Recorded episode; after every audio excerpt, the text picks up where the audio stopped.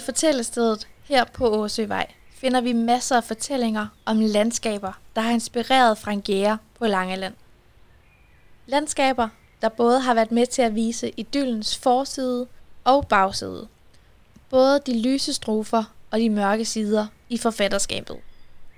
Landskaberne omkring Tranekær kan du læse rigtig meget om i essaysamlingen Velkommen Vinter fra 1958.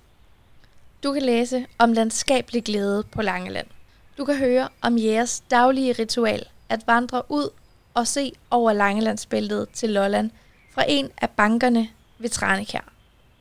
Og du kan få indblik i, hvordan jæger træsker hen ad landevejen og snakker landskab, som man kalder det i sit essay Vandring i Vinterskov.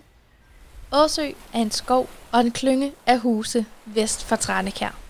Og stednavnet Åsø bruger jæger i digtet Sedenius i Åsø fra 1956.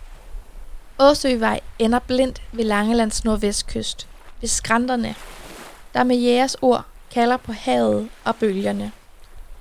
Og som æder af skrænten og blot lægger træers rødder og næver. Så træer står for fald, skælvende og ventende, ligesom digtets jeg-person Sedenius i Åsø. Sidenius er en figur, som Frangera har digtet om flere gange.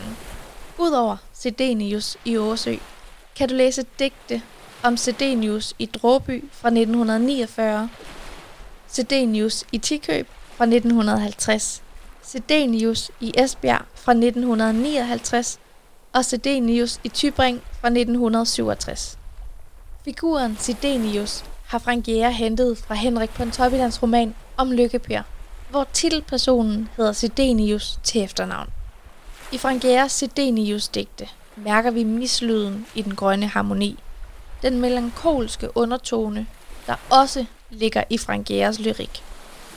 For nok er der livsglæde i jægers digte, men indimellem dukker angst og forstemthed frem. En følelse af modløshed, som skinner mere og mere igennem i Frangeras forfatterskab og hans liv i løbet af 60'erne. Ligesom træerne på skrænten ved Åsø blev undergravet af bølger. Sådan skyller også nye litterære bølger ind og underminerer Frangeras status som forfatter. En ny generation af forfattere får opmærksomheden på den danske litterære scene. Frank Gere er ikke længere den fætterede stjerne. Det er forfatteren Claus Refbjerg, der bliver ind og hot i 1960'erne. Frank Gere føler sig misforstået og marginaliseret. Hans forfatterskab bliver i tiltagende grad kendetegnet af mørke toner i kredsen om ensomhed, fortabelse og forgængelighed. Alkohol bliver en måde for Frank Jæger at udholde tilværelsen og livskriserne. Sidste fave fra Svendborg hedder et vinterdigt af Frank Jæger fra 1959.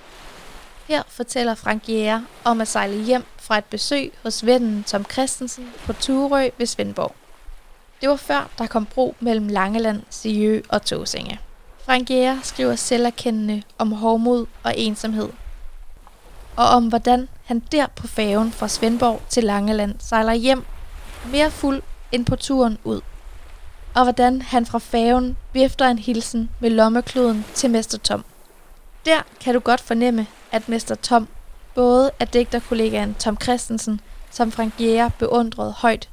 Men Mester Tom er også tomheden, som trænger sig på for den, der kommer sejlende der i togemørket. Frank Jæger selv. Med det knugende mørke i erindring forlader du nu Åsøvej og går ned af Lammehave alene. Gå forbi det tidligere asyl, som greven på Tranekær Slot i 1868 fik opført som børnehave. Umiddelbart efter, at du har passeret det næste hus i Schweizerstil med fine, snekerudskårende trædetaljer, finder du det næste fortællested. Start næste afsnit, mens du nyder turen ned gennem træalene.